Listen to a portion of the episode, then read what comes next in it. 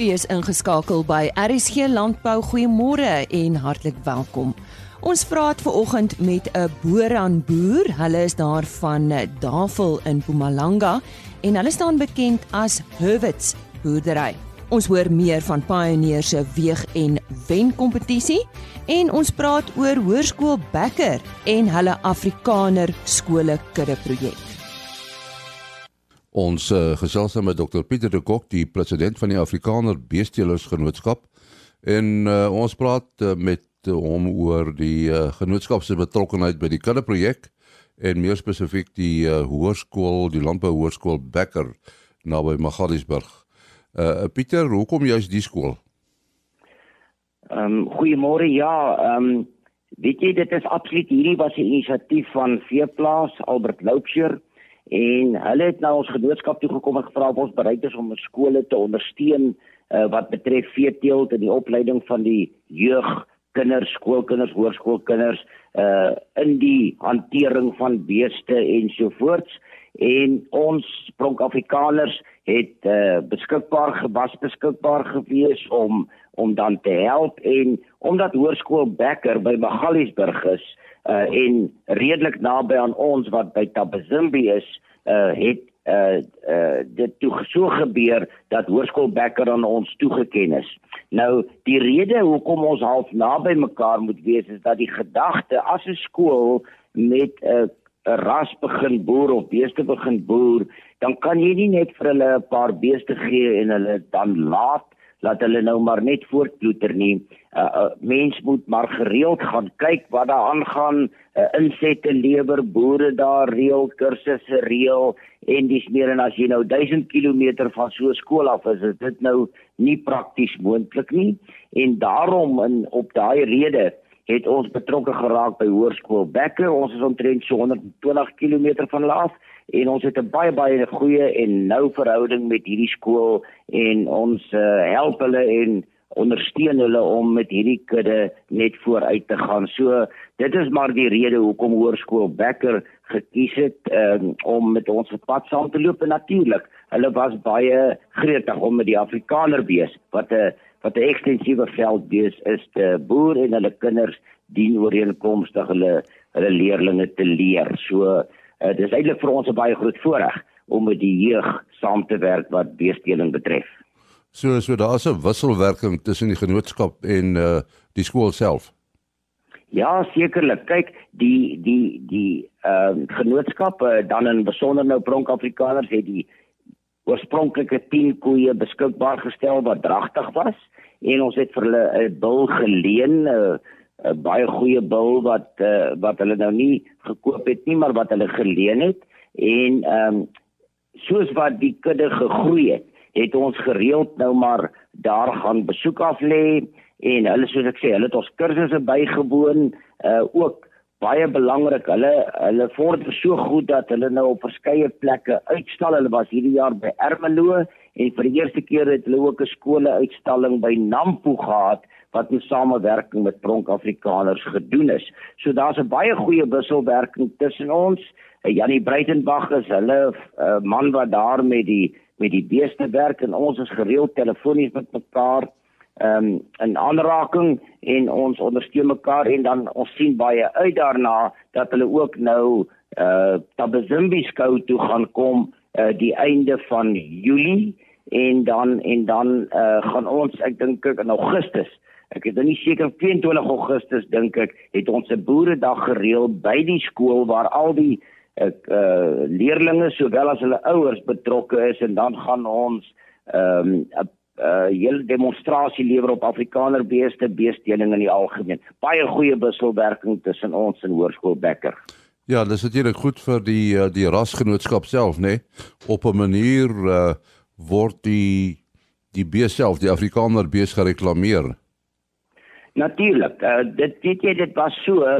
Jy moet onthou dat uh, die Afrikaner was 'n eeu gelede of 'n half eeu gelede 'n baie baie algemene bees en dit het natuurlik heeltemal verander hier by die einde van die 1900s en vroeg 20 uh uh in die eerste dekade van hierdie 2000 so baie van die kinders het amper nie eens geweet van die Afrikaner nie. En dis belangrik dat ons jong mense uh moet blootstel aan die feit dat dit is ons land, land se inheemse produk en dit is die die bees wat aangepas is en wat ekstensief in die veld kan boer. Daar's natuurlik baie ander goeie rasse ook, maar ehm um, dit maak hulle bewus van van die Afrikaner en dan veral by die Alfa uh uitstalling beesweek is al die skole verteenwoordig en dan is die Afrikaner bees dan ook daar verteenwoordig dat die ander kinders of leerdlinge van ander provinsies ook kennis neem van die Afrikaner hoe dit lyk, uh, hoe hy lyk en en en hoe hy mee gewerk word en al dies meer. Ja, dit is vir ons ook baie goed dat die jeug betrokke raak en kennis neem van die Afrikaner bees. Ons sê baie dankie aan Dr Pieter de Kok, hy is die president van die Afrikaner Beesteelers Genootskap en hy gesels oor die kudde projek wat hulle saam met die Landbou Hoërskool Bekker onderneem. So 'n bietjie later gesels Henny Maas met Jannie Badenhorst van die Hoërskool Bekker en kry ook sy indrukke van die projek. Nou gesels ons met Gavin Bristow van Bristow Bonds Maras. Ons praat oor 'n veiling wat op die 20ste Junie plaasvind. Vertel ons, wat is die aanbod op die oomblik, Gavin? Um yeah, the offer the onward at the moment is uh, 30 bulls and about uh, 90 females. Um those females will be registered and commercial females. So die die plaas is in Limpopo. Ja, so it's uh, uh naby Louis Tricard. Tussen tussen Bandelierkop en Louis Tricard is dit plaas. Maar die veiling self gaan op Bandelierkop wees. En die vleissentraal Bandelierkop veilingskrale. Hoe hoe lyk die beeste? Is julle tevrede? Man baie, ek het 'n lekker baie goeie seisoen gehad, goeie reën en ehm um, die die beeste lyk lyk fantasties. Die bulle het mooi uitgegroei. Daar's ek dink potensiaal goeie um, stoetbeeste daar en ook um, kommersiële vroulike diere. En uh, julle hou elke jaar 'n veiling. Man ja, ek dink ons was van die eerste mense wat privaat uh, veilings gehou het. Dis nou nie te seker nie maar omtrent it's about our 40 45th eh 45ste hmm. jaarlikse produksieveiling. Ons is lank in die bonsmare bedryf. Ons is een van die stigste bonsmare teelers. En ehm um, ja, en, en dit is al genetika wat goed aangepas is in die omgewing. Hoeveel mense verwag julle het julle al belangstelling? Man, ek weet nie gewoonlik so 200 mense kom na die veiling toe. Ek weet nie hoeveel gaan registreer. Maar ja, ons wag ek ons hoop ons hoop dit die kopers gaan kom, ja. Goed, uh, net weer uh, waar en wanneer en 'n kontaknommer. Man, dis op uh, by Bandelierkop. Dis tussen uh Polokwane en Louis Tricard, net aan die kant die tolhek, lank naby Made Navorsingsstasie is die Bandelierkop uh, veilingskrale. En, en en die veiling is val onder die beskerming van die Bonsmare Vereniging. So that you know they all adhere to the minimum breed standards for fertility and milk and visual inspections. And all the cattle are, are tested for TB and the females for CA. And all the bulls are fertility tested and sheath washed and tested for trichomonas and vibrio. So we try and protect the buyer as far as we can, and we try and offer them good, productive, adapted cattle. And a contact number? Uh, 083 uh, 264 uh, 3890. Sê hom weer. Um 083 uh, 264 3890. Ja, sê baie dankie Gavin Bristow wat gepraat het oor hierdie veiling. Ek gesels ver oggend met die bemarkingsbestuurder van Pioneer en uh, haar naam is Germa Kieser en uh, van ons uh, luisteraars sal dalk weet van hulle weeg en wen kompetisie wat nou al 'n tydjie saam met ons loop hier in Suid-Afrika, maar ons gaan so 'n bietjie verder met haar daaroor gesels ver oggend. Germa, eerstens, miskien moet jy net vir ons luisteraars sê Pioneer, waar presies pas julle in? Ehm um, Lisa Pioneer is natuurlik 'n wêreldleier in ontwikkeling en verskaffing van gevorderde plantgenetika. Ehm um, ons voorsien hoë gehalte saad aan produsente in meer as 90 lande. Um Pioneer bied ook agronomiese ondersteuning en dienste om produsente se produktiwiteit en winsgewendheid te verhoog en ons streef ook daarna om volhoubare landboustelsels vir mense wêreldwyd te ontwikkel. Natuurlik in Suid-Afrika fokus ons spesifiek op die navorsing, produksie en die verkope van mielie, soja en sonneblomsaad. Kom ons beweeg nou terug na daai kompetisie toe weeg en wen. Uh kom ons gesels oor die oorsprong van die kompetisie. En die kompetisie se oorspronklike oorsprong is in Amerika. Ons het toe net die konsep gevat en hom bietjie aangepas vir die Suid-Afrikaanse boere en ons mark. En uh wat presies is die fokus of die doel van die kompetisie? Ons fokus um is spesifiek om boere die geleentheid te gee om nuwe produksieprosesse te toets. Um ons wil in Pioneer wil ons praktyke bevorder wat die beste opbrengs najaag En dis ook natuurlik 'n ideale geleentheid um, vir die boere om kreatief te wees en hulle suksesstories met mekaar te deel. Vir ons is die einddoel um, om deur middel van hierdie bestuurspraktyke wat gedeel word, uiteindelik vir almal se produktiwiteit te verhoog en hulle opbrengs te verbeter. En hoeveel jare is hierdie kompetisie al aan die gang? Ons is nou in ons 4de aaneenlopende jaar besig met hierdie kompetisie.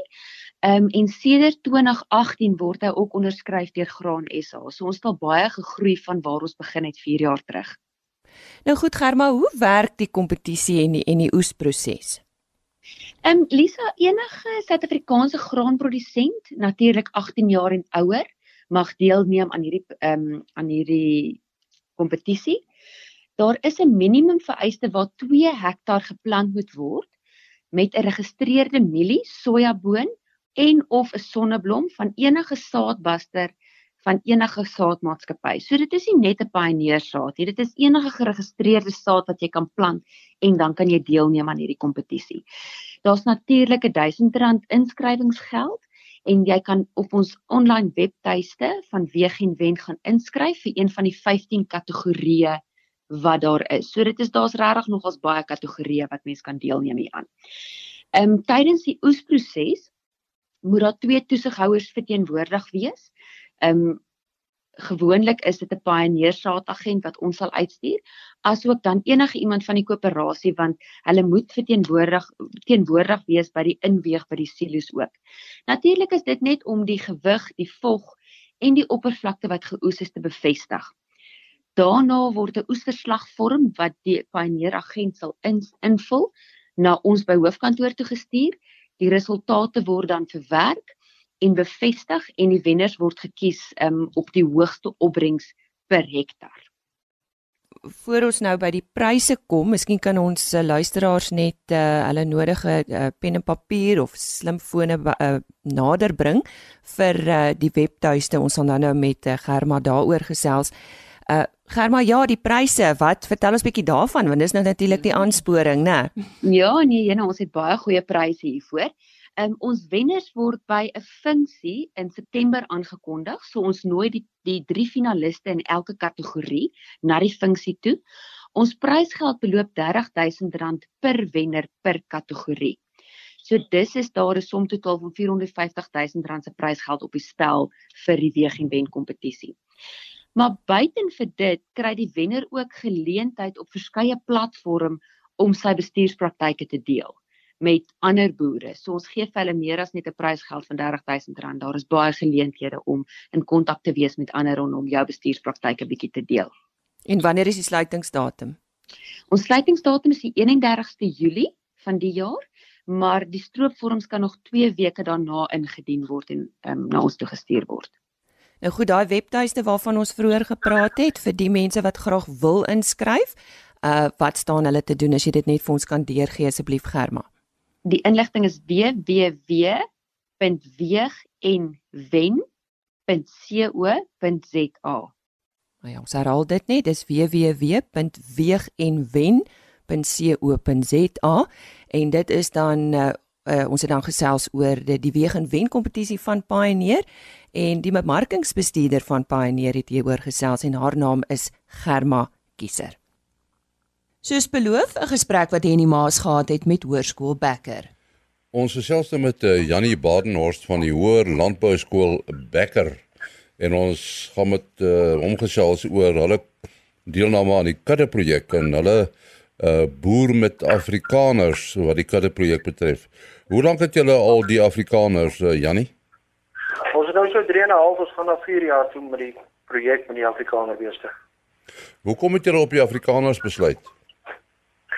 Maar nee, Afrikaner beeste is maar nog altyd 'n trots uh vir hoërskool Becker. Hy jare terug het hy ook Afrikaners gehad en toe ons al die geleentheid kry om weer met Afrikaners te gaan, toe besluit ons maar op die ras en dit is vir ons 'n baie spesiale ras. En en en uh hoeveel het julle aanvanklik mee begin en hoeveel het julle nou? Ons het aanvanklik met sê met 16 koeie begin. Ons kudde staan nou so op 32. Uh maar ons het die eerste jaar uh, en 'n half het ons baie um diefstalle goed gehad. Ons kon al baie verder gestaan het, maar ons staan nou op 32. En en hoeveel kinders is betrokke by die kudde? Al die landboukinders wat landbouneem is betrokke by die kinders ons ehm uh, dit behoort te hier 150 kinders te wees wat betrokke is jaarliks met die kinders. Ag by die Afrikaners. En en hoe voel hulle oor die projek? Die kinders is baie positief en daar is baie navraag van die kinders se kant af oor die projek. En um, ons voel as ons net eenmal 'n een jaar een kind kan betrokke kry by die Afrikaner dan sal die ras vorentoe gaan want ehm um, as sou een een nuwe boer 'n jaar kan bykry, dan sal ons die ras vorentoe kan vat want die kinders is baie baie positief oor hulle. En en neem julle deel aan die jeugskou? Ja, ons was nou by Nampo gewees waar ons die Afrikaner tentoongestel het en die nasionale jeugskou. Ons volgende skou is Zambie en dan het ons nog die Alpha skou op Parys En dan het ons nog jeugskoue by uh, Hoërskool Wagpos op Brits en dan het ons die nasionale jeugskou op Vryburg in Oktober maand. So ons het nou ons het 'n hele paar skoue wat ons hierdie jaar doen. So julle bly taamlik besig. Ja, ja, ons lekker besig. Wat is julle toekomsplanne? Dan ons wil uitbrei, ons wil kyk of ons na na so 50 koei projek toe gaan nie, wat ons so 50 koeie het en dan van daar af maar verder en verder kan voer en dan alles gaan maar oor die kind want omdat ons by die skool uh, by die skool betrokke is, gaan alles maar oor die kind en ons probeer maar die um, Afrikaner ras by die by by die jeug ook betrokke kry. Baie dankie Jannie Badenhorst van die Landbou Hoërskool Becker.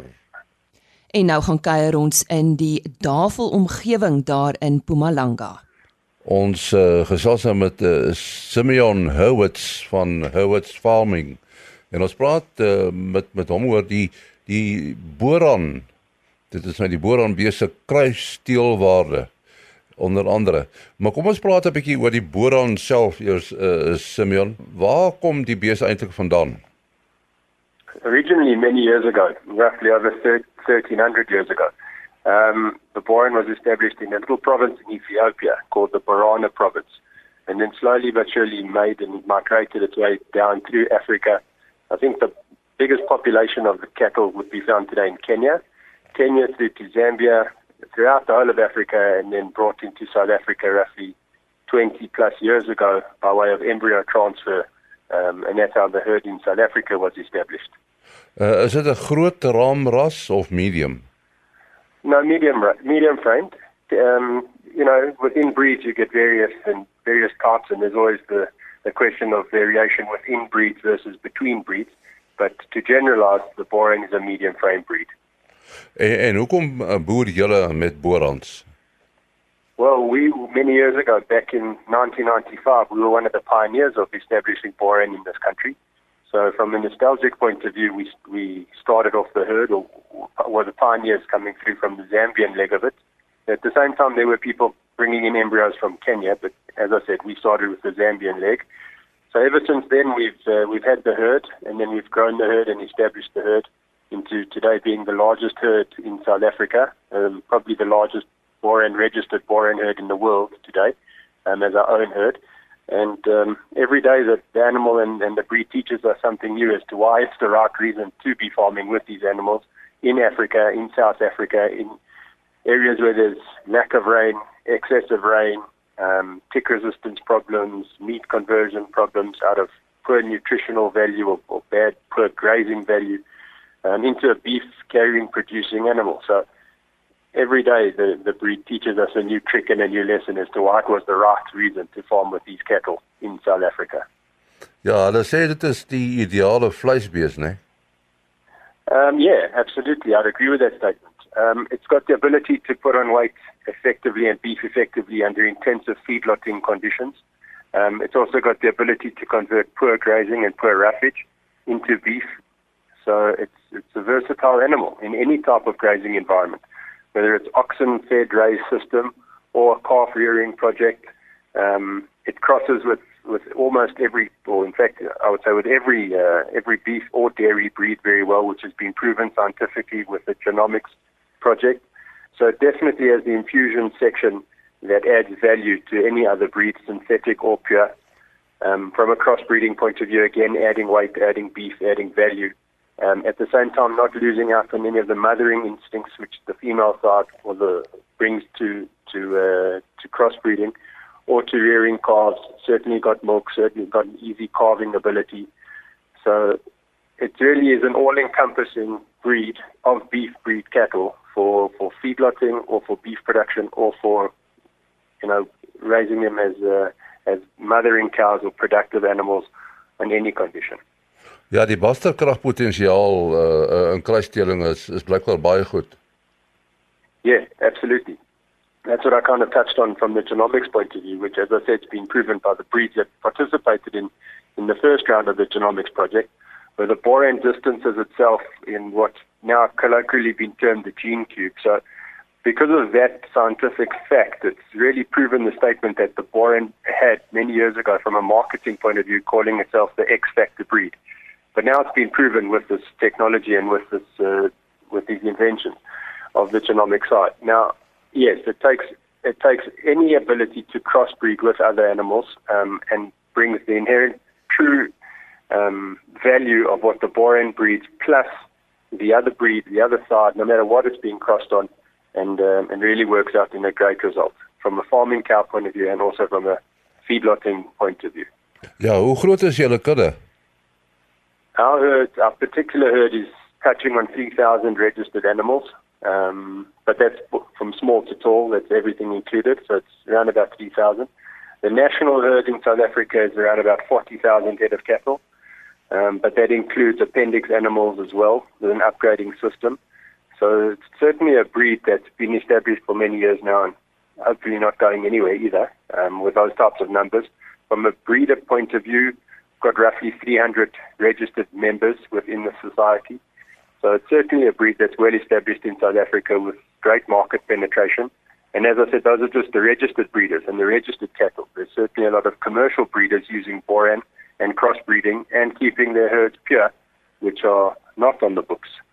So being an African-based animal in Africa, the Boran is certainly something that people are starting to turn to and use much wider in, in any type of system. Ja, mense het voorheen die indruk gekry dat uh, dat die boeraan in 'n sekere sin 'n modebees geword het. Maar uh, dit is seker nie meer so nie.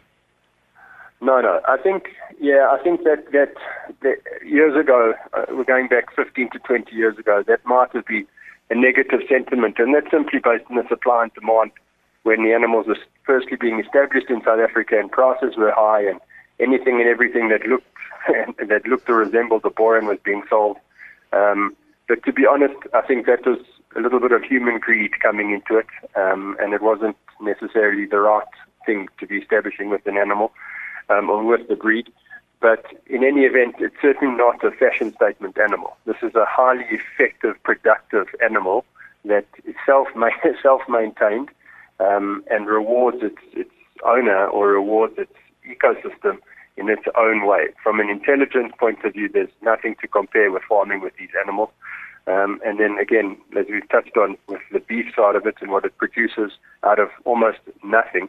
Certainly, I mean, if we take the feedlot ration side of it, it's an animal that has the ability to put on weight, to put on beef with a much less intensive um, ration than what your normal feedlot ration would, would be, which again allows from a marketing or from a business point of view a greater profitability to be made by using this particular breed of animal in any feedlot environment simply because it doesn't it's not as expensive to eat to feed. Um, it also you can finish off the animal a little bit quicker than what your normal feedlot animal can do. So it's certainly not a fashion statement animal um, and again it touches every base. I mean if we just talk um, aesthetically it's not a color descriptive animal either. I would, I mean, yes, the majority of cattle in South Africa are red. Um, the boran is well red, but if a person wants to farm with white boran, they, you know, it's not a color specific animal. So you get them in all shapes and all sizes and all colors. From even the Nguni patterned or the Bont patterned animal um, to the more yellow or, or, or dun type of an animal. So it again provides a lot of variation and variety in what anybody wants to do with these animals. But to label it as a fashion statement animal or something that's just in favor at the moment or was in favor, no. The breed is established. It's certainly not going anywhere. And the more people that an experienced animal, I think, and, and experience farming and breeding with the animal, will soon will soon realize that it's the right animal for their own productive systems and their own economies to be farming with. Nou ja, daar het jy dit gehoor, uh, Simeon Howard wat gepraat het oor uh, die voordele van om met uh, boeralbeeste te boer. Sy baie dankie aan Henny Maas en dit bring ons dan ook aan die einde van vandag se program. Môreoggend op RSG Landbou praat ons oor die Fresh Connections konferensie met Lindy Stroebel van die Produce Marketing Association en ja, dis alweer belasting seisoen, so ons vind 'n bietjie meer uit en gee raad. Dit is RSG Landbou môreoggend net so skuins na 05:30. Tot môre dan. Totsiens. RSG Landbou is 'n produksie van Plaas Media. Produksieregisseur Henny Maas Aanbieding Lisa Roberts. en inhoudskoördineerder Jolandi Root.